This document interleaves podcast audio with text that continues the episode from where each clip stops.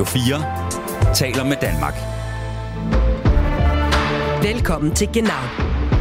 Din vært er Mirko Reimer Elster. Påsken er den tid på året, hvor kristne mindes Jesu død og fejrer hans opstandelse. Hvis man bor i det dansk-tyske grænseland, er der til gengæld en anden genopstandelse, som nok snart føles som en form for korsfæstelse grænsekontrollen. Vi skal en tur til grænselandet i denne uge, for frem for at lede efter påskeæg var en række repræsentanter fra mindretalspartierne på begge sider af grænsen mødt op ved selvsamme grænse for at protestere over den såkaldte midlertidige grænsekontrol, der blev genindført tilbage i 2016. Og så skal vi også tale om det tyske kvindelandshold. Nachbarschaftsduell für die DFB-Frauen am Karfreitag in der Grenzstadt Zitter trifft Deutschland auf die Niederlande. De tyske fodboldkvinder spillede nemlig mod Holland i fredags, men denne kamp ledte man forgæves efter hos den offentlige tv-station ZDF. Her valgte man i stedet for at vise komedien Vær født den Hasen frem for Frauenfußball. Tragikomisk eller god dømmekraft, det taler vi om senere i udsendelsen. Velkommen til Genau. Du lytter til Radio 4. Sådan her lød det, da den midlertidige stikprøvekontrol ved den dansk-tyske grænse blev genindført i januar 2016. Die dänische Regierung hat am Montag bekannt gegeben, dass an der Grenze zur Bundesrepublik die Grenzkontrollen wieder eingeführt werden. So wollen die Dänen die unkontrollierte Einreise von Flüchtlingen besser in den Griff bekommen. Die Grenzkontrollen erfolgen stichprobenartig und erstmal für die nächsten 30 Tage. Ja, sådan lød det tilbage i januar 2016. Midlertidig grænsekontrol øh, forløbe i 30 dage. Stikprøvekontrol for blandt andet at få styr på flygtninge og mulig kriminalitet. Der er jo øh, gået en del år siden af januar 2016, og øh, der er indtil videre jo ikke nogen tegn på, at den her angivelige midlertidige grænsekontrol, den stopper forløbig. Jeg kan nu sige morgen til dig, Sabrina Johansen. Du er sygeplejerske, og bor på den tyske side af grænsen. Hvorfra ja, moin, du, ja, moin, Sabrina. hvorfra du pendler til din arbejdsplads, som ligger i Åbenrå Kommune. Uh, Sabrina, her uh, indledningsvis, uh, har du sådan et klart uh, sådan før og efter i din oplevelse som pendler, efter man uh, indførte grænsekontrollen igen for syv år siden? Ja, det har jeg. Altså, jeg har pendlet i 16 år, og øh, selvfølgelig benyttet mig af den frie bevægelighed inden for Schengen, hvor at arbejdskraft og boende og så videre kan bevæge sig frit hen over grænsen.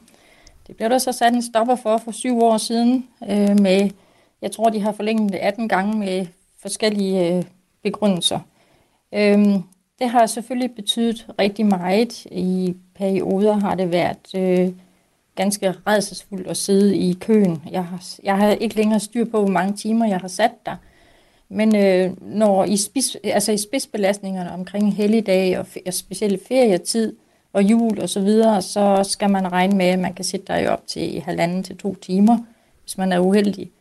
Og det betyder selvfølgelig i, i hverdagen, øh, der hvor jeg arbejder nu, der har jeg faktisk, når jeg kører hjem om aftenen øh, tilbage, tager mig 15 minutter. Så man kan jo nok regne ud, at øh, det går temmelig meget ud over fritiden, når man skal køre så lang tid før og også i det daglige til hverdag, er jeg nødt til at planlægge og køre i god tid, for jeg ved aldrig helt, hvordan det ser ud derude. Du er jo også administrator for den Facebook-gruppe, der hedder Grænsependleriet. Er den oplevelse, du har her, altså hvor du siger, at det i høj grad øh, påvirker din, din hverdag, både i forhold til dit arbejde, fordi du ikke rigtig ved, hvornår du skal tage afsted, fordi du kan aldrig være sikker på, hvor lang tid du kommer til at stå i køen. Øh, er det en oplevelse, som øh, mange af medlemmerne i den her gruppe kan ikke genkende til? Ja, det er det i hvert fald. Altså øh, for, for nogle år siden, der fandt jeg ud af, at der var rigtig mange, der havde også problemer med det her så der oprettede den her Facebook-gruppe, jeg tror, vi er en 520 stykker derinde, øh, og hvor man ligesom kan også guide hinanden, hvor er det nemmest at køre over i dag, og så videre, og hvilken oplevelse man har med det. Og det har selvfølgelig også bevirket, at der er, vi har noget modstand i gruppen. Der har også ud af det har jeg sådan en lille arbejdsgruppe derinde. Jeg tror, vi er 17 medlemmer med diverse politikere og interessenter, som forsøger at gøre et arbejde for, at øh, politikerne ikke skal glemme os hernede. Men, men det er jo sådan lidt, øh, ja. Men føler I er glemt? Fordi du siger jo, I, I vil ikke øh, føler jeg glemt. Føler I er glemt i, i den her ja, angivelige undtagelsestilstand, der nu øh, står på øh, og går ind i sit 8. år? Absolut. Altså, vi har øh, flere gange skrevet, henvendt os til regeringen, skrevet nogle åbne breve, og vi får hver gang i svar om, at selvfølgelig vil de tage hensyn til pendlerne. Og jeg tror, øh, så sent som den 3. april i P1, der sagde Bettine Kasbjerg fra Danmarksdemokraterne, at det kunne da nemt løses med digitale løsninger. Men, men der er ikke sket noget som helst de syv år. Jeg tror, for nylig har de lavet noget med et ekstra spor ud på motorvejen, men som jeg kan forstå på mine øh, medlemmer inde i grænsependleri, det har slet ikke hjulpet. Folk bruger det ikke rigtigt, og der er stadigvæk kører alle de andre steder. Så de, de siger alle sammen, at de vil tage hensyn til os, men der er en dødt sket på de syv år. Okay. Hvad? Så ja, vi glemt. ja. Øhm, du siger selv, øh, du talte lidt om de der private initiativer. Hvad, hvad er det, I, I prøver at gøre sådan konkret i forhold til at komme, øh, ja, ikke problemet til livs, fordi det lyder som om, det er svært, men øh, det lyder jo heller ikke som om, I er sådan super fortrøstningsfulde i forhold til politisk hjælp. Hvad gør I privat i forhold til den der gruppering øh, og andet? Er der, har du nogle fif? Altså, vi, ja, som sagt, så øh, giver vi jo hinanden øh, lidt råd om i spidsbelastede perioder, hvor, at, hvor vi kan køre over.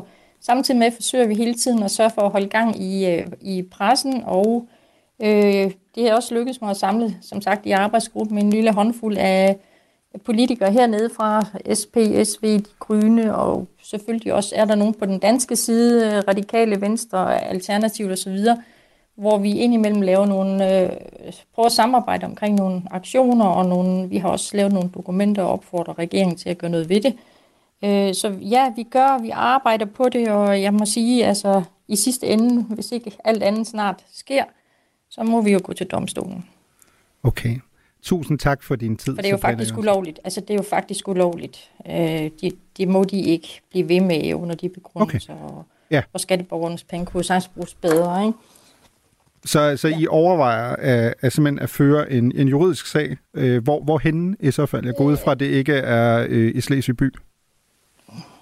Øh, det er ikke helt på plads endnu, og, og, og, og det er også, må man også sige, at vi håber da ikke, det kommer så langt, og vi håber snart, at politikerne de, øh, holder det, de har lovet omkring valg, ved at de ser at få gjort noget, sådan at vi kan komme over uden øh, skal sidde i kø. Okay, tusind tak øh, for din tid, Sabrina Johansen. Øh, ja, frustreret grænsependler ja, kan jeg vel godt uh, kalde ja. dig i, i, i den her sammenhæng. Uh, tusind tak, Sabrina. Hvordan ikke? Ja, selv tak. Hej. Vi vender nu blikket fra en berørt pendler til en lokal politiker, der var med til at arrangere de såkaldte påskedemonstrationer, der øh, var i sidste uge i grænselandet. Gøster Toft, formand for Slesvigs Partis regionsudvalg øh, og øh, fødselar. Øh, Gøster, hjertelig øh, tillykke og tak for din tid. Jamen, øh, tak for øh, opfordringen til at være med. Jamen, øh, altid gerne, og tak, at du vil bruge din tid her øh, på din fødselsdag på det. Ja, men jeg har, jeg har haft øh, besøg fra mine børnebørn, så jeg, jeg er blevet godt motiveret. Ja, men... i løbet af formiddagen. ja, men det, det glæder mig. Øh, fordi prøv at høre, Gøster, jeg skal jo lige høre, altså den her øh, grænsekontrol, der jo angiveligt er midlertidig og stikprøveagtig, den har jo stået på i mere end syv år. Hvorfor bruger du så din påskeferie på at stå ved grænsen og protestere? Jamen det er jo fordi, vi vil have afskaffet den grænsekontrol, øh, der fører til kødannelser. Øh, øh, vi stod der øh, øh, og protesterede skal torsdag. Øh, øh, om lørdagen, der var der tre kilometer kø igen, selvom man havde åbnet øh, lastbilsporet. Og det vi vil øh, forhindre, det er jo, at øh, disse kødannelser her i sommermåneder lukker for hele trafikken øh, øh, langs grænsen. Øh, sidste år var jeg, forsøgte jeg i, øh, i løbet af en almindelig ugedag i sommermåneder at komme over grænsen. Det var ikke muligt ved en af de, af de tre østlige overgange at komme, øh, komme øh, til Danmark, øh, hvor jeg bor, øh, uden at øh, blive kontrolleret. Okay, men du er også inde på, I, I havde jo nogle øh, påskedemonstrationer i, øh, i sidste uge, og som du også henviser til, men den I jo havde planlagt oprindeligt, altså ved grænseovergangen Harrislæ, øh, den flyttede I jo til grænseovergangen Padborg, fordi der simpelthen ikke var kø, altså ved den første i, i Harrislæ. Er det ikke ganske sigende for, at det for det første varierer ganske meget alt efter, hvor man øh, krydser grænsen, og at der lige præcis øh, er tale om en stikprøvagtig kontrol, og så må du i ny og næ leve med, at det tager lidt længere tid? Ah, nu må jeg lige rette dig med hensyn til geografien. Altså Harrisley og Padborg, det er cirka øh, samme sted. Harrisley, det er byen lige ved siden af Padborg grænseovergang. Og det er der kødannelserne, øh, de har været i øh, sommermånederne. Kødannelserne har været så graverende, at de har lukket trafikken i byen Harrisley, som er en forstad til Flensborg, sådan at folk faktisk ikke kunne komme på arbejde. Øh, øh, det ramte blandt andet noget sundhedspersonal, der skulle arbejde øh, på sygehuset i Åben og, og det mener vi ikke, øh, vi kan byde øh, øh, grænseområdet øh, igen i sommer. Og, og det er, og, der kommer cirka 5.000 biler på en almindelig dag, øh, på en gennemsnitsdag hen over grænsen. Øh, men i sommermåneden, der er det jo double up, og så er det det hele, det, det stopper og så kommer man ikke over grænsen, fordi der er øh, øh, øh, op til flere timers kø. Og det mener vi, øh, øh, det må man gøre noget ved. Og, og nu blev der jo spurgt til, hvad, hvad kan man så gøre? Jamen, det helt enkle, det er jo, at man åbner flere spor, så der kan komme, øh, komme flere igennem. Øh, øh, ved Crusoe er der et eneste spor. Det er faktisk øh, øh, minimum af det, hvad der, hvad der er muligt. Okay, jeg kan jo se, at øh, du har jo tidligere, øh, blandt andet øh, over for der Nordslesvig, kunne jeg se, du har jo sammenlignet grænsekontrol med en mur. At du, du mener, det er en form for mur, en form for barriere, og den, den skal væk. Øh, men den der mur er jo i så fald altså ganske porøs. Øh, altså, jeg ved ikke, om mur er det bedste samme, altså bedste eksempel her. Altså sammenligningsgrunder. Er det virkelig en mur, når det er en stikprøvekontrol? Det er jo en mur med ganske mange huller i så fald. Jamen, jamen, du må jo forestille dig, at min hverdag, den foregår på begge sider af grænsen. Øh, og det har den gjort i hele mit liv. Øh, øh, så, øh, så jeg har mange aktiviteter i Flensborg. Jeg har mange aktiviteter her øh, i Sønderjylland. Og, øh, og skal krydse grænsen flere gange om ugen. Øh, og når man så ikke kan komme over det sted, der er nærmest, jeg skal faktisk helt ind til grænseovergangen Rens eller Sofiedal, for den sags skyld, når den nu er åben, øh, øh, inden jeg kan komme over. Og det, det, det synes jeg, det er, det, det er da øh, ikke det, man, øh, man har til hensigt, når man er medlem i Schengen-aftalen. Schengen-aftalen, den skal jo give fri bevægelighed over grænsen. Øh, og, og, og det, man, øh, det, den eneste kontrol, det er til, at det er midlertidig kontrol øh, over seks måneder øh, så skal man søge igen. Og så, øh, så øh, er det, at man begrunder de gentagende forlængelser med terrortrussel. Og terrortruslen, den er jo ikke påvist. Altså, vi har ikke nogen dokumentation for, at det virker. Og, og, og det synes jeg, øh, øh, det, hænger, det hænger overhovedet ikke sammen. Samtidig med, at man øh, øh forstyrrer hverdagen ved grænsen, men man, men man øh, stopper også den øh, den almindelige trafik, øh, at de der øh, øh, biler, der kører over grænsen, er cirka halvdelen lastbiler, der også alle sammen skal kontrolleres, og som stopper op og indimellem står i timelang kø. Øh, det mener vi, det er, øh, det er, er med til at, at øh, nedsætte produktiviteten i Danmark væsentligt. Og, og, og jeg vil også gerne sige, at alle de mange tyske turister, der kommer hvert år, det er et stigende tal. Vi har over 20 millioner overnatninger, tyske overnatninger. Mange af dem, de kommer over her ved vores landegrænse, og de skal de bliver modtaget med at stå i en, øh, i en time lang kø. Det synes jeg egentlig ikke, man kan byde øh, kunderne. Mm.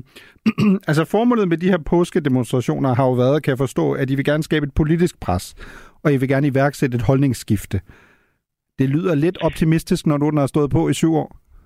Jamen, jeg har da også lidt tabt troen til, at det kan, øh, det kan ændre. Så længe øh, regeringspartierne ikke, øh, ikke vil ændre øh, tingenes tilstand, øh, så må vi gå andre veje. Og, og nu blev der nævnt, at vi kan klage til, til domstolen. Ja, det kan vi. Kan ind, øh, vi kan indsende en klage til EU-kommissionen. EU-kommissionen skulle jo for lang tid siden have været aktiv i det her Øh, Øh, de er ansvarlige for den frie bevægelighed i EU, EU som er en grundpille i EU-systemet.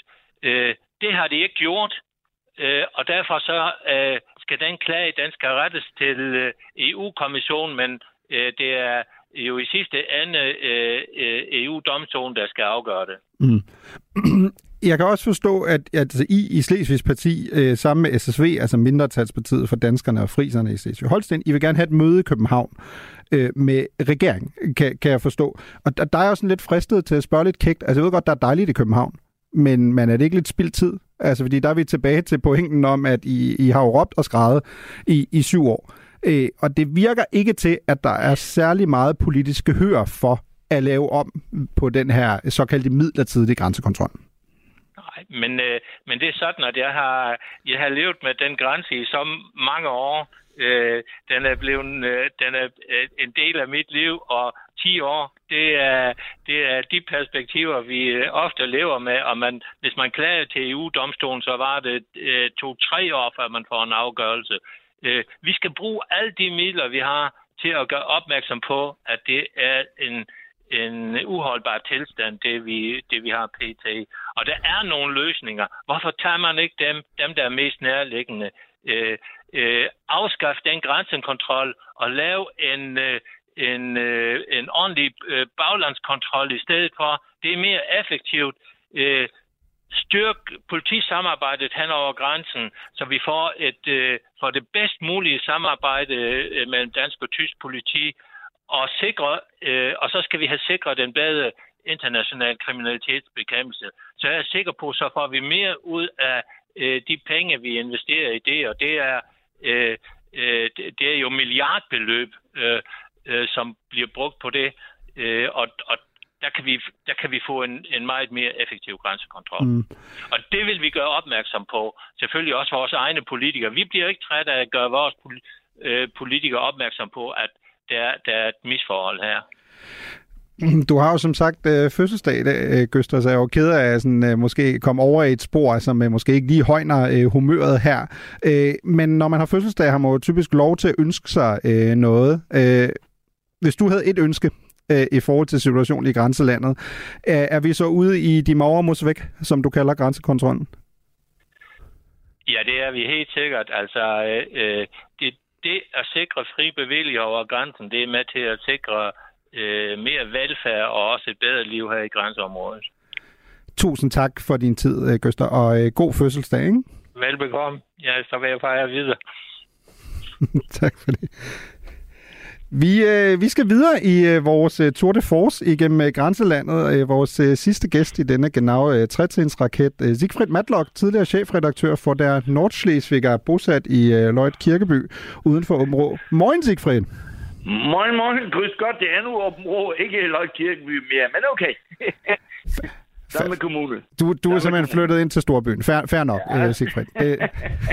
Så, ja. Sådan er det. Uh, Sigfrid, nu har vi jo hørt fra en uh, frustreret uh, grænsependler, ja. vi har hørt ja. fra en lokalpolitiker. Uh, prøv ja. at forklare uh, mig og lytterne de politiske implikationer her. Ikke uh, så meget i Danmark, men hvem er det, der skal slå i bordet i Danmark på vegne af Tyskland? Er det delstatsregeringen? Er det forbundsregeringen? Er det lokalpolitikere? Altså, hvad skal der til? Må jeg lige øh, først sige, at jeg jo har jo stor sympati for, at man kan fjerne grænsekontrollen, og øh, også øh, stor sympati, når man, når man uddeler påskeliljer. Jeg bryder mig dog ikke om, når man sammenligner det med de maver. Altså, hvis vi kigger på, hvad der er sket ved der maver, så, så beder jeg altså virkelig om, om, om øh, forladelse af næsten tak. Men øh, indholdet, klart, det er politisk, og, og det er jo øh, bundt. Det er bundt øh, altså Berlin-regeringen, der, der afgør det. Og øh, den skal jo tage initiativ over for København, og omvendt er det jo København alene, der afgør den danske øh, grænsekontrol. Og der må man jo sige, at, at det, der undrer mig, er, at man jo flere gange har haft øh, øh besøg og topmøder med Scholz og med DF i, i, i øh, for eksempel i Berlin. Øh, ministerpræsidenten har været i København, altså øh, Günther fra Slesvig-Holsten. Harbeck har været flere gange i København, ikke kun for at besøge sin søn, men, men øh, ingen, ingen har øh, bragt et spørgsmål om grænsekontrollen øh, på banen. Og, og det må jeg jo sige er, er i og for sig en falit erklæring, fordi det drejer sig jo ikke kun om, at man bruger øh, utrolig store summer som økonomen Philip Schrøder fra Aarhus Universitet har, har dokumenteret. men øh, det er jo også en, en, en klimasønder af, af, af værste rang. Så jeg forstår simpelthen ikke, at man ikke fra, fra den politiske ledelse i, i Tyskland i hvert fald bringer det på bane, når man har øh, øh danske gæster eller møder op i København. Mm. Du har jo, nu har du skitseret problemet øh, ganske godt, altså Matlock, ikke? men du er jo inde på det. Altså, vi har en tysk vicekansler, der er valgt i øh, Flensborg. Vi ja. har, ja, præcis. Vi har et medlem fra De Grønne i Europaparlamentet, i Rasmus Andresen, ja. der kommer fra mindretallet. Vi har ja. i delstatsregeringen i Slesvig-Holsten en dansktalende erhvervsminister, der blandt andet som en del af det værv har arbejde, transport og turisme som ja. en del af sin portefølje. Altså, hvad mere skal der til?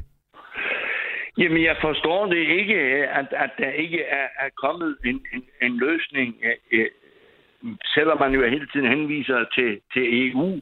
Og, og der er det jo sådan, at EU jo overfor Østrig, som jo har lavet noget lignende, har sagt, at nu gælder øh, de hidtidige undskyldninger ikke mere. Så øh, det er så et spørgsmål om, om København øh, nu til maj Øh, øh, vil, vil finde en ny forklaring på, på at, at kræve en forlængelse. Men øh, i virkeligheden øh, minder mig øh, den der grænsekontrol lidt om, om hele øh, det pant-cirkus, øh, som man jo nu i årtier har næsten sagt, øh, og dagligt kan opleve mellem Danmark og Tyskland i, i grænselandet. Det er ligesom, grænselandet er, er meget fint, når man holder øh, bål og, og skåltaler, men, men når der er de praktiske problemer, for, og, og det er jo det, det rammer de pendlerne. Jeg taler om pendlerne, ikke dem fra Hamburg og andre steder, øh, der skal herop. Men der gør man ingenting, og, og viser alt for lidt forståelse. Det er ikke noget, jeg, jeg kan øh, acceptere. Det må jeg indrømme. Men du kan vel godt acceptere, at du ikke skal betale pant på dine dåser, som du, du handler på den side af grænse? Altså, vi skal jo, vel... Men... Øh, grænsekontrollen skal vel væk, men, men vi vil vel ikke have pant? Nej, men du ved jo, hvor meget pantproblemet jo stadigvæk udgør rent, rent miljømæssigt. Ikke? Altså, det er bare for, for at sige, skal, skal vi ind i en samme gænge, hvor man i overvis har talt, og man vil løsninger på, på det, øh, øh, og det har man jo stadigvæk ikke, og skal vi ligesom øh, bruge vores tid på, på ligesom at, at, at, at protestere øh, omsonst øh, over for grænsekontrollen. Øh, jeg skal jo bare lige gøre opmærksom på, altså når vi taler om, om grænsekontrollen, så er det jo sådan, at, at øh, der er jo stadig, øh, altså, der er jo de målinger, man har haft øh, her på, på dansk side, viser jo, at der jo i Sønderjylland, og så kan man jo råbe op så meget, man vil fra, fra mindretallenes side, men i Sønderjylland har der jo været flertal for en, en, den der øh, grænsekontrol.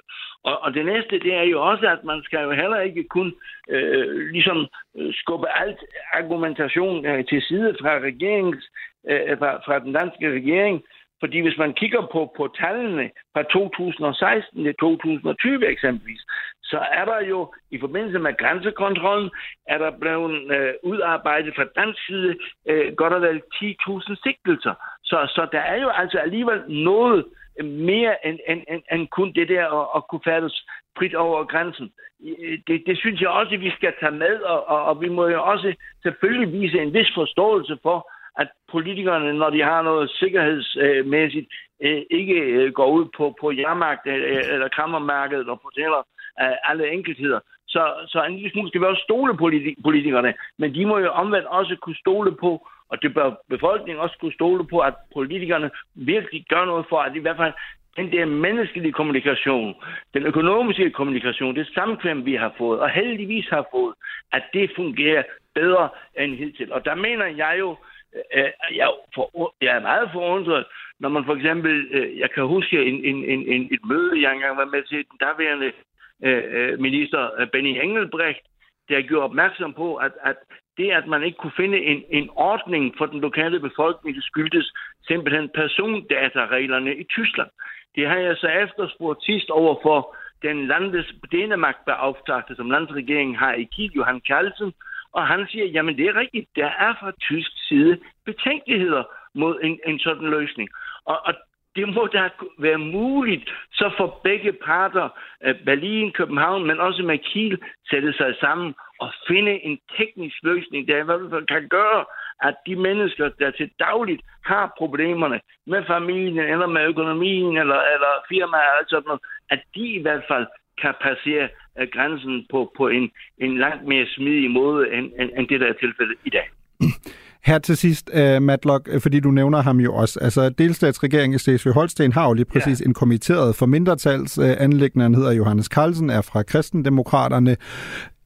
Det, der jo er, er spørgsmålet her, øh, sidder man sådan på afstand, øh, bosat i København, selv fra grænselandet, sådan en som jeg sidder og tænker, Johannes Carlsen burde jo kunne have et job og det er at prøve at sørge for, at grænsekontrollen på en eller anden måde bliver, om end ikke ophævet, så som du siger, øh, gjort mere smidig i forhold til, at den ikke påvirker folk øh, på begge sider af grænsen.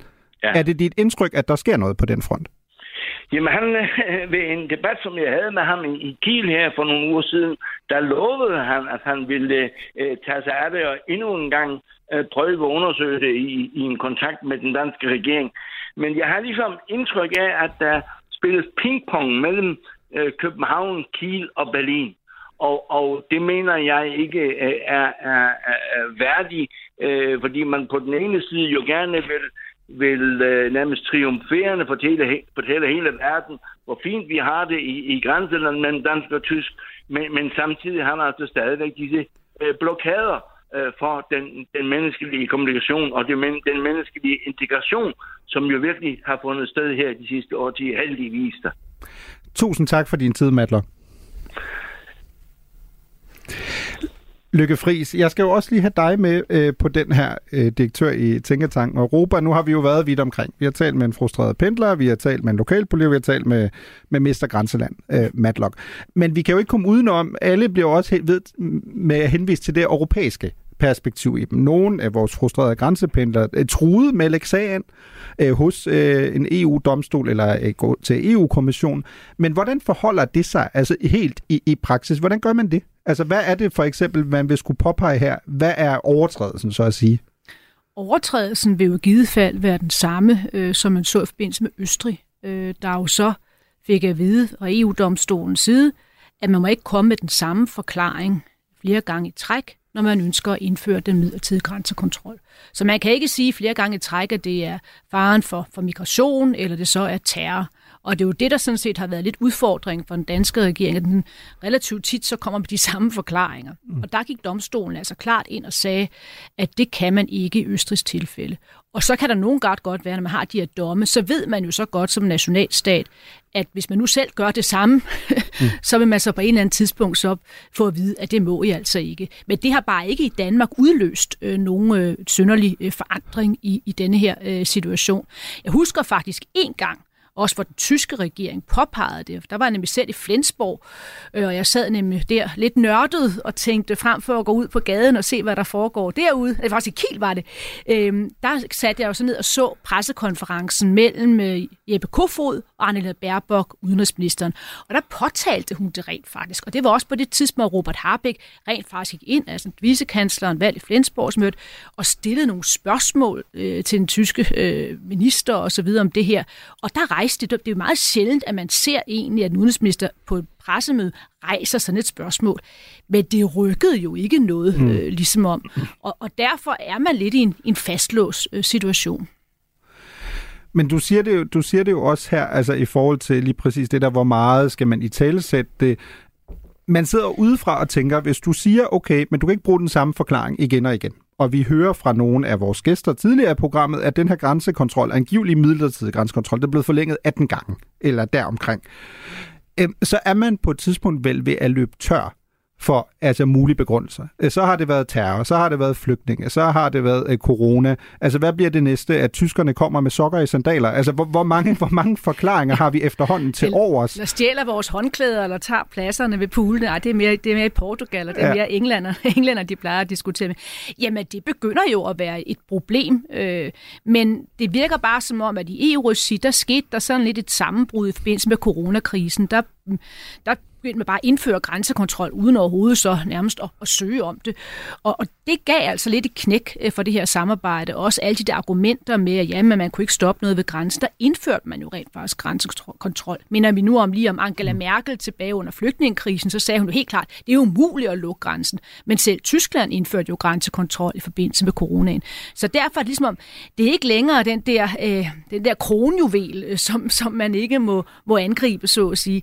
Øh, og så kører der parallelt med det her jo også diskussioner om, hvordan Schengen-samarbejdet kan blive mm. reformeret. Og der er min bedste, mit bedste bud, og det er derfor, man så heller ikke fra tysk side kører der helt op, fra dansk side, eller fra kommissionens side især, fordi det kan jo være på en eller anden måde, man bliver enige om, om nogle nye regler. Mm. Ja, fordi det var det næste, jeg skulle til at spørge dig om, Lykke. Altså det der med, at hvis du vækker øh, en EU-nørd klokken 3 om natten, mm. og så siger du, hvad er fordelene ved EU-samarbejdet, så øh, går der nok ikke særlig lang tid, før vi taler om fri bevægelighed og Schengen samarbejdet. Men her vil kritikerne i grænselandet jo sige, at man de facto har sat det ud af kraft, altså på nu 8. år, fordi der er de her massive restriktioner, eller i hvert fald forhindringer, som vores grænsependler, Sabrina Johansen jo også fortæller, at hun ved ikke, hvornår hun kan tage på arbejde på den anden side af grænsen. Skal hun tage afsted to timer før en time? Hun ved, ved det ikke. Hvordan kan man sådan fra EU's side acceptere det? Fordi som du også siger, det underminerer jo en del af det, som jeg tror mange europæiske borgere synes er en af de store fordele ved det europæiske samarbejde. Ja, men hvis du ser på, hvad der foregår i øjeblikket på europæisk plan, jamen så har du selvfølgelig krigen i Ukraine, som er det vigtigste spørgsmål, men lige derunder har du, at øh, immigrationen på Europas grænser altså stiger øh, markant. Og jeg er med på, at øh, det er ikke den forklaring, vi bruger lige her nu, og jeg er også med på, at man ikke nødvendigvis stopper særlig mange øh, flygtninge, migranter ved grænsen, men det giver bare en eller anden form for, for tryghed, og det er noget, man kan spille på politisk, at vi gør alt, hvad vi kan, og vi er derfor har vi også grænsekontrol. Og det, øhm, det er der, hvor vi er lige nu med hensyn til stemningen. Og derfor tror jeg også, det er forklaring på, at kommissionen ikke går ind med den store hammer og prøver på at sige til landene, at nu bliver de altså nødt til at, at markere ret. Så derfor er vi lidt på det, på det der spor med hensyn til at gå til domstolen. Men som vi også hørt nogle af de tidligere jo så var inde på, så er det en meget, meget langsomlig proces. Om end mit bedste bud vil være, at Danmark vil få det samme at vide som Østrig. Fordi hvis jeg kan vurdere, uden at være jurist, med så mange af de argumenter, der er blevet brugt, sådan set de samme. Hvad, hvad betyder det helt konkret? Altså hvis man sådan skulle pege på, hvornår altså, vil den her midlertidige øh, tilstand så kunne opholde? Altså hvornår vil man så til sidst fra Bruxelles side sige, nu er det slut med midlertidig grænsekontrol? Altså hvad er tidshorisonten her? Er det seks måneder? Er det to år? Er det ti år? Nej, det tør jeg ikke at spørge om. Altså det hænger jo også sammen med, at øh, nu går vi jo ind i... Øh, i et stort valgår på europæisk plan næste år. Øh, der skal være Europaparlamentsvalg, og der skal også være en ny kommission. Øh, og der kan jeg ikke forestille mig, at man til med det så øh, kan blive enige om at, at nu gribe ind over for det her. Så jeg vil sådan set sige, øh, selvom det måske lyder sådan lidt øh, pessimistisk, men når vi ser på, hvor lang tid det har varet, så tror jeg på en eller anden måde, frem for at gå efter den totale løsning, så vil prøve på at se, er der mere at vinde ved at se på, hvordan Polen og, og Tyskland for eksempel håndterer deres grænse. Er der nogle ting der, som man alligevel så godt kunne få sat fart på allerede nu, og selvfølgelig så stadigvæk gå efter den øh, efter totalløsningen, som er få det, få det ophedet på en eller anden tidspunkt. Men jeg tror bare ikke, det kommer til at ske her nu, og derfor tror jeg, man skal gå efter nogle af de der mere lavpraktiske øh, ting, som hvad ved jeg, at minimere stikprøvekontrollen på bestemte tidspunkter. Der, der er mange ting, man givetvis kan lære af at se også på, hvordan andre lande håndterer det. Du lytter til Genau på Radio 4. Nu skal vi lytte til noget godt tysk fiktion og dokumentarisme. Her er en bid fra den tyske komedie Wer füttert den Hasen? Gute Nacht. Ich will nicht umziehen. Fine, bitte, wir entscheiden es nicht jetzt. Was will auch nicht umziehen. Horst ist ein Kaninchen. Dem ist es egal, wo sein Käfig steht. Nein, hier will er nicht her. Hier hat er Angst. Versuch mal zu schlafen, okay? Ja, wer flytter den Hasen er historien om en øh, familie, der skal flytte øh, fra det sydlige Tyskland til det nordlige Tyskland, og det øh, skaber nogle store udfordringer i den her lille familie, blandt andet i forhold til den her omtalte har Horst. Men øh, ikke nok med det. Her er en bid fra dokumentaren Killings Vilde Welt, hvor vi er på sporet af vilde dyr og eksotiske væsener. Begleiten Sie Andreas Kehling auf seiner Suche nach der wilden Welt, zu den schönsten Orten unserer Erde. Kommen Sie mit, es wird ein großes Abenteuer. Og sidst, men ikke mindst, en gammel klassiker, dog med lidt øh, ny øh, lyd. Den legendariske krimiserie, der er Alte Anno 2023.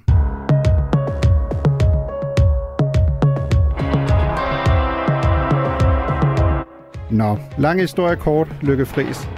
Hvad har Værføtter den Hasen, Kielings Wilde Welt og der alte til fælles? Ja, det er til fælles, at øh, man fra tyske tv, ZDF mener det var, øh, foretræk at sende disse tre udsendelser på jo så langfredag, i stedet for at vise en meget interessant fodboldkamp, kvindefodboldkamp, hvor det tyske øh, fodboldlandshold spillede mod øh, Holland. Øh, og det har jo så udløst betragtelig debat i Tyskland. Hvordan kunne den her Harse, jeg var ikke klar over, den hed Horst, øh, og så der Alte, øh, og den her anden ud, den tredje udsendelse udkonkurrerer det, at man rent faktisk kunne se landskampen Tyskland mod Holland. Det giver vel meget god mening, når man har lyttet til bare 30 sekunder af hver føtter din Harsen. Det vil du ikke have foretrukket frem for kvindefodbold? Mm, nej, det vil jeg nu ikke, men jeg må indrømme, at jeg var ikke. Jeg læste godt, at der aldrig sagde, gud, at det, det er en god gamle Erwin Køster og Gert Heimann, der, der var ude og finde nye forbrydere. Og det må jeg indrømme, den vil jeg faktisk gerne have set. Men altså, det der irriterer mig aller, aller mest ved den sag, det er, at i Tyskland, satser man faktisk nu væsentligt mere på kvindefodbold, end, end man gør i mange andre lande, men sådan set også i Danmark. Det er en sag, som selveste kansler Scholz har involveret sig i. Nu er vi lige inde på, at, at det var måske for dårligt, at kansler Scholz ikke involverede sig i grænsekontrollen. Men når det går på, hvad en kvindefodboldspiller tjener i forbindelse med et europamesterskab, og en mandlig fodboldspiller tjener, så er han sådan gået ind og plæderet for det, sagt lige løn øh, og har holdt møde med DFB, det tyske fodboldforbund, og har sågar også set den første kvindefodboldlandskamp på stadion. Øh, og man ser nu også, at der bliver kommer flere penge ind i kvindefodbolden, fordi Tyskland jo vandt, eller ikke vandt desværre, der var jo lidt snyd og bedrag. Jeg sad og så kampen i Leipzig, hvor øh, simpelthen, at, øh, at Tyskland blev snydt for et straffespark på Wembley. Øh, og hvis man kender lidt til fodbold, så ved man, at kamp mellem Tyskland øh, og England på Wembley, der er mange andre andre minder så som 1966. Så mm. Bildzeitung, Bildzeitung havde en stor faktisk forsideartikel, der, der sagde, der er snøje Wembley. Så der kan du se, altså kvindefodbolden har rent faktisk fået øh, det her, den her gennemsatskraft. Og der er det jo ekstra ærgerligt, at nu står vi jo så her og diskuterer, at her lige netop den dag har man så valgt at nedprioritere kvindefodbolden. Ja, apropos, men altså, som du siger, gammel traver, ikke tyskere, der bliver snydt øh, på Wembley. det, det er en lang fortælling. Øh, jeg kan også sige morgen til dig, øh, Jan von der Vel. Du er Director of Sales for IHF World Championship hos Sports 5. Øh, og så skal jeg holde dig til gode, at du er gået i gymnasiet med mig. Det, det ved jeg ikke, har været en god oplevelse for, været en god oplevelse for dig i sin tid. Men, men Jan, du sidder jo lige præcis med sportsrettigheder. Øh, og prøv at, ja. lige at forklare os kvindefodbold er det øh, super på mode i Tyskland? Er det en god forretning? Er det noget, du vil købe, øh, hvis du havde mulighed for det? Ja, først og fremmest tak for invitationen, Mirko. Øh, jeg glæder mig øh, for at være med i denne udsendelse her. Øhm, ja, altså, for at se, altså, den udfordring, vi har i Tyskland, og nu snakker jeg som, som, som fyr, der sidder med sportsrettighederne og, og prøver på at sælge dem til, til virksomheder rundt omkring, øhm, så er det jo således, at vi har øh, Hernes fodbold, og vi har rigtig, rigtig meget Hernes fodbold på tv og i medierne i Tyskland. Så det har været en kæmpe udfordring. Øhm, jeg må indrømme, det, det har selvfølgelig været øh, en fordel, at øh, kvindernes landshold har været så så god til, til sidste turnering, eller øhm, at vi har fået en diskussion op at køre rundt omkring, hvordan og hvorledes kvindernes øh, turnering bliver vist, eller hvad, hvad selve øh, landsholdet, kvindernes landshold har. Men for at være helt ærlig, så er det jo en situation, som vi ikke er tilfredse med. Fordi hvis vi kigger lidt rundt omkring i Europa, så er situationen i Tyskland øh, ikke tilfredsstillende. Og, og det siger som både en, der sælger reklame og eksponering til kampene, og selvfølgelig også som sportfan. Fordi øh, du, selv, du sagde det selv, øh, at man viser, eller at man fravælger øh, en landskamp, en tysk landskamp, frem for en komedie øh, eller en krimiserie. Det, det, det kan jeg ikke forstå, øh, og, og det synes jeg heller ikke øh, tilfredsstillende. Så, så det, det, er lidt, det er lidt blandede følelser, jeg har, øh, hvis vi snakker, eller hvis vi diskuterer kvindernes øh, fodboldlandshold, og så især også de andre sportsgrene, der findes. Øh, så så det, det er svært. Det, det er en svær situation. Mm. Lad, os, lad os starte med, med kvindefodbold, og så øh, kigge lidt, på, lidt bredere også på nogle af de her udfordringer, der er i forhold til ligesom at vinde indpas ved siden af, af herrefodbold, der bare er så, så dominerende i, i Tyskland på, på den her front. Lykke Friis, er, er det svært at samle altså, tyskerne om, hvad kan man sige, kvindefodbold? Fordi hvis vi går tilbage til for eksempel EM-finalen mellem, apropos øh, Tyskland og England, altså der var der jo øh, næsten 18 millioner seere øh, på, øh, på ARD. Det er jo øh, ret vilde tal, synes jeg, er det ikke? Det er vilde tal, øh, og det var højere end øh, tyske herrelandshold i Katar. Nu gik det jo også ja, rimelig dårligt, mm. må man sige, men selv da man troede, at Tyskland ville have en chance for at gå videre, det var sådan set kun den første kamp, øh, der, der var seertallene jo altså lave. Så på den måde har man jo vist, at øh, landsholdet godt kan tiltrække de her øh, tilskuere høje tal. Det er også, hvis du, har, hvis du ser landskampen altså live på stadion, har du også høje tal. Det, der er udfordringer, den nød, man ikke har knækket, det er Bundesligaen. Altså, der må man bare sige, at selv i Tyskland, så selvom de har efter det her EM så fået solgt flere jo så øh, ja, billetter, og så også, at folk har meldt sig til at være der hele, hele sæsonen, så er det bare en udfordring. Så man ser, og det ser man også i Danmark, at omkring her store turneringer, så mobiliserer man, og så kommer der et ordentligt øh, fald i opmærksomheden. Og det er svært så at bevare øh, fokus på kvindefodbold. Mm. Von der Vel, prøv, du sidder jo med, med sportsrettigheder til daglig. Prøv at forklare, hvad er nogle af de udfordringer, altså som Lykke Friis taler her om? Altså hvorfor er det svært at generere en, lad os kalde det, en vedholdende øh, interesse øh, for, for kvindefodbold i Tyskland, som ikke kun er mønstret på landsholdet, men også eksempelvis på klubberne og øh, Frauenbundesliga? For, altså, for at sige det sådan rent plat, så er det jo nok, fordi det ikke er nok plads til, til sporten, eller til fodbolden, øhm, i kvindernes kontekst. Øhm, og det, det betyder jo, at i, i forhold til herrenes turnering, eller herrenes landshold, så har vi jo Bundesligaen, som, som er så stor, og som har etableret sig som, som den eneste ene liga i Tyskland, hvor vi selvfølgelig har øh, en mediedækning fra, fra mandag til søndag, og, og hele året rundt. Og det har vi selvfølgelig ikke øh, i kvindernes turnering, eller i kvindernes kontekst. Og det er selvfølgelig den udfordring, man har, at vi snakker turneringerne, og selvfølgelig har det været en, en, en fremragende turnering, og jeg kan huske selv, at vi sad på en tv og så kampene, og det har været en rigtig god stemning og, og diskussion efterfølgende, om man nu skulle vise øh, den tyske kvindebundesligaen på tv.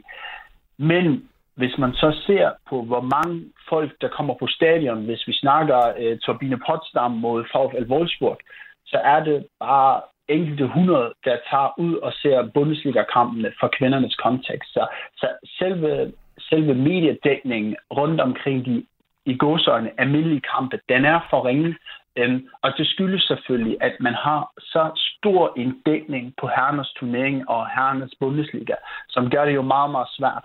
Og, og i den kontekst skal det nævnes, vi snakker jo ikke kun fodbold. Altså hvis vi snakker herrenes turnering i for eksempel basket eller ishockey, så har vi jo samme udfordring, at folk faktisk ikke ved, at der kommer store turneringer, eller at der har været store turneringer, øhm, og hvordan og hvorledes man kan se dem på tv.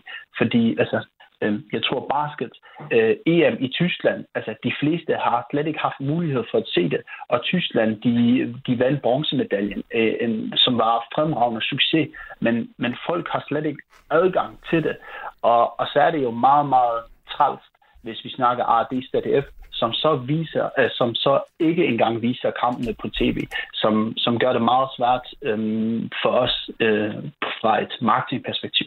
Øh. Men, men prøv lige at forklare mig, hvorfor er det svært altså for dig, hvis du skal købe rettigheder? Du, fordi du siger i bund og grund, der er ikke den store efterspørgsel, så prisen må jo være tilpas lav. Og du, det er jo rigtigt nok, som du siger, at herrefodbold fylder rigtig meget. Men det, det, skal du, det er jo pay-tv. Altså det skal du betale for. Du skal købe uh, Sky, uh, uh, The Zone, du skal købe ved tre, fire forskellige udbydere, lidt ligesom i, i Danmark. Er det ikke en relativ, et relativt billigt indkøb? Øh, i så fald, hvis du skal, for eksempel skal ind på, på det her marked, øh, hvor der groft sagt ikke er så meget at tabe. Altså nu har du også siddet, det tror jeg, vi lige skal have med her, du har jo også siddet som marketingchef i, i Flensborg Handevet, altså håndboldklubben. Så øh, du, det her er vel en åben dør, især i en tid, hvor vi taler så meget om generelt, øh, apropos Lykke Friis har været inde på det lige løn, vi taler om, at vi skal frem øh, kvindelig topsport. Er det ikke at rende en åben dør ind, det her? Jo, det er det. Helt, altså det, det er det jo, og det er jo også den historie, vi fortæller, hvis vi snakker med virksomheder i Tyskland, at selve storytelling, den er, den er, den er rigtig god, og man kan bruge den til noget. Øhm, udfordringen er jo selvfølgelig, at hvis vi snakker sportssponsoring kontekst, at øhm, virksomheder, de står ikke i kø for at blive sponsor. Og selvfølgelig spørger de så ind, hvor mange folk ser kampene, og hvor meget coverage har vi i Tyskland, eller hele Europa, eller øh, worldwide, det er sådan alt efter, hvad man nu ønsker. Ikke? Øhm, Så, så spørgsmålet er jo, har vi landstækkende tv på det? Og så svarer du nej. Øhm, og så er det sådan, at mange virksomheder siger, okay, så er det måske ikke rette produkt, fordi øhm, der findes også mange, mange virksomheder, der vælger et prestigeprojekt eller et prestigesport, hvor de så siger, at vi vil gerne være med som, som sponsor i noget, som er meget, meget stort. Og det er kvindernes fodbold desværre på nuværende tidspunkt ikke. Øhm, og, og det gør det jo utrolig svært for os.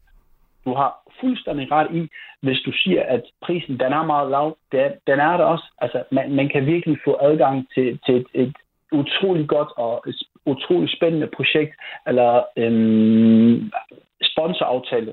Men alligevel mangler der tv-tal, og tv-tal er nok noget af, af den driver, vi har, hvis vi sælger sponsorater, som, som gør det utrolig svært. Lykke, du har jo også været forkvinde for, for den budkomité i forhold til EM i, i kvindefodbold i, i 2025, hvor, øh, som jo desværre gik til Schweiz, mm. i stedet for til, til de nordiske lande i, i sidste uge. Men den her diskussion lyder vel også meget bekendt, ikke? Altså, jeg ved Amalie Bremer, som også har været her på Radio 4, som er medstifter af, af kvindelandsholdets fanklub, brokkede sig for eksempel i sidste uge på de sociale medier over, at man på bold.dk ikke var god nok til at reklamere for, at øh, Sverige og Danmark i øvrigt skulle spille mod hinanden øh, i Malmø. Og i stedet for var mere optaget af at fortælle, at Norwich og Blackburn skulle spille mod hinanden i den næstbedste engelske række. Godt nok med en dansk træner, Jon Dahl Thomasson. Men, men hvor, altså, hvor stor en effekt har det, hvis man for eksempel ikke viser sådan en kamp her? Eller lad os sige, det er jo ikke helt rigtigt, at den ikke blev vist. Man kunne se den på nettet, altså øh, Holland mod øh, Tyskland, den her venskabskamp. Men vi ved jo godt, det er jo ikke det samme at skulle gå ind på nettet, end hvis den bare kørte på, på Flow TV. Altså, hvor, hvor vigtigt er det, at du har den her eksponering? Det er kolossalt vigtigt, fordi det er jo også med til så at ride på bølgen, altså når man så har vundet, eller i sølvmedalje, desværre desværre, kun sølv og ikke guld, men dog sølv og ikke bronze, øh, så har man jo brug for at ride på den bølge, og brug for så også, at landsholdet bliver eksponeret i den kommende tid også. Her, lige nær ved det her tilfælde, tror jeg, det er en Eigentor, øh, som øh, ZDF så har. Ja, altså et selvmål, ja. Ja, et selvmål, fordi nu diskuterer vi, diskuterer det ikke kun her, så det er jo selvfølgelig vigtigste steder at diskutere det ikke genau, men diskuterer det også over hele Tyskland, og mange mm. artikler omkring det her.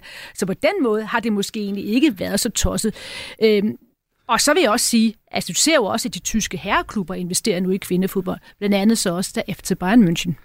Ja, jeg tænkte nok, at du vil nævne øh, de Bayern. Øh, dem, dem vender vi tilbage til. Øhm, Jan, et, du nævnte jo indledningsvis, at det jo faktisk går godt for det tyske kvindelandshold helt generelt, og der skal vi jo ikke kun tilbage til det seneste øh, VM, hvor man taber i, i finalen. Altså, vi skal jo meget, meget langt tilbage, fordi tysk kvindefodbold øh, på landsholdsplan har jo været toneangivende i meget, meget lang tid. Lad os lige lytte til et klip øh, fra VM i øh, optakten 2019, øh, hvor de tyske kvindelige landsholdsspillere lige præcis gjorde lidt grin med, hvor ukendt og undertippet de jo var i den brede tyske offentlighed. Weißt du eigentlich, wie ich heiße? Und ich? Hm, genau. Wir spielen für eine Nation, die unseren Namen nicht kennt. Aber dass wir dreimal Europameisterin waren, weißt du schon, oder? Nicht? Stimmt, es waren ja auch achtmal. Beim ersten Titel gab es dafür ein Kaffeeservice. Seit es uns gibt, treten wir nicht nur gegen Gegner an, sondern vor allem gegen Vorurteile. Frauen sind zum Kinderkriegen da. Gehören in die Waschküche. Wie Amateurfußball. Nur in Zeitlupe. Aber weißt du was? Wir brauchen keine Eier. Wir. Wir haben Pferdeschwänze. Wie bitte? What? Nice. Von der Vel, det lyder, det, det, det er jo ret solid marketing, det her, ikke? Altså både at spille på alle de fordomme, der, der jo er, og jeg tror, at du og jeg kan jo også indrømme, at vi som unge knægte lidt havde nogle af de samme, øh, fordi dengang i 90'erne og 0'erne var kvindefodbold jo heller ikke lige så udbredt, som, som det er i dag. Men vi er jo tilbage til, øh, som vi også, vi taler om et af de bedste kvindelige fodboldlandshold i, i verden. Øh, og så skal vi jo have et andet perspektiv med her. Altså, ZDF er offentlig rechtlig. Altså, de er jo en offentlig øh, finansieret tv-station via GZ, den tyske pendant til, til at betale licens herhjemme. Hvordan i alverden kan man overhovedet havne et sted, øh, apropos øh, 17, næsten 18 millioner tilsku- øh, tilskuere, til at man fravælger det her og siger, hvad føtter den harsen, er simpelthen øh, øh, vigtigere? Jeg tror faktisk, de, de, de, de har nok en god forklaring på det. Øhm, men, men som du selv siger, synes jeg, hvis vi snakker offentligt, øhm, så, er der, så er der en forpligtelse til at vise øh, sport. Øhm, og, og så er der også forpligtelse for at vise den bedste sport, man har. Øhm, og, og jeg synes helt klart, at kvindernes landshold, det, det tæller det bedste, vi har i Tyskland. Øhm, nu har jeg sådan lidt svært med at, at kunne se på kvindernes fodboldlandshold, fordi vi har faktisk, og det, det, det skyldes jo, fordi jeg sidder med vores håndboldprojekt, øhm, vi har samme udfordring, for eksempel i kvindernes håndbold, øhm, hvor vi så sidder med, med en VM, som jo finder sted i, i Danmark, Norge og Sverige i slutningen af, af dette år, øhm, hvor vi for eksempel slet ikke har ARD og ZDF på, øh, hvor, hvor kvindernes håndboldlandshold bliver vist på en streaming øh, udbyder, som, som de fleste nok ikke, øh, nok ikke har hørt fra. Øh, så det er, jo, det er jo en udfordring, vi ikke kun har hos kvindernes fodboldlandshold, men især i, i, hvad skal man sige, i kvindernes sport, fordi det bliver bare ikke vist i den grad, som det burde vises. Øhm, og og det, det er jo det er en udfordring, som, som man skal se på, og hvorfor er det således, og, og hvad for nogle løsninger kan man finde på. Men helt klart, jeg synes, at den tilgang, man har valgt i 2019, det er jo den rigtige. Måske med lidt humor og med lidt, med, med, med lidt hvad skal man sige, lidt mere sjov og, og ballade i, at, at vise, okay, altså, vi har et fodboldkvindelandshold, som er, som er rigtig god, og det, det det er dejligt at se dem spille, og det, det, det er med meget, meget succes.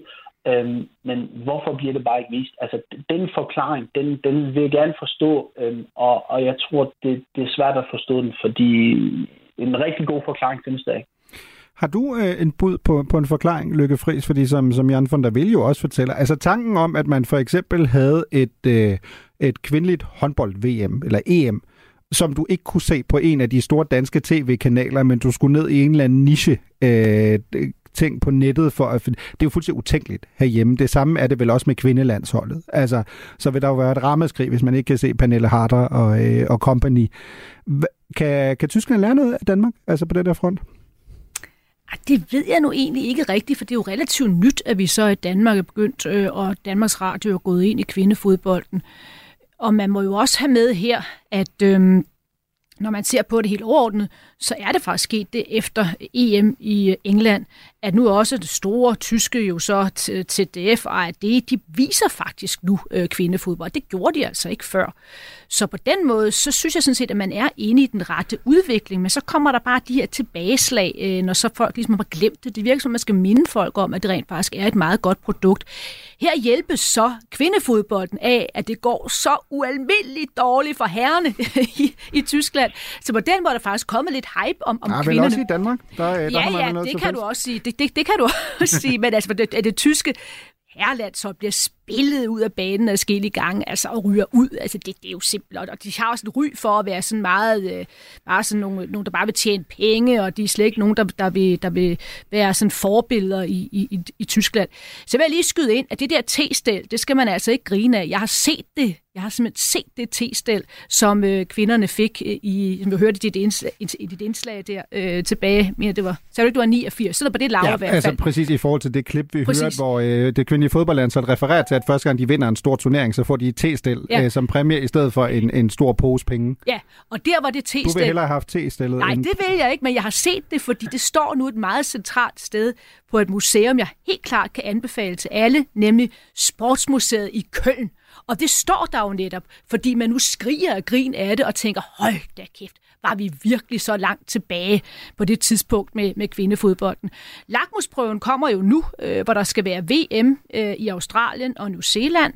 Det skal der være til sommer, øh, og der bliver det spændende at se, går så Danmarks Radio eller TV2 ind og køber de rettigheder, og hvad gør så til DFR? Det var meget fokuseret på det. Årsagen til, at det lakmusprøve, det er jo så ikke alene så, fordi der nu er en virkelig hype omkring kvindefodbold, men der vil altså være et problem med, seert, med, med det tidspunkt bliver sendt på, simpelthen på mm. grund af tidsforskellen. Og der bliver det spændende at se, at man så vælger at lægge de penge i det, både for Tyskland og for dansk side.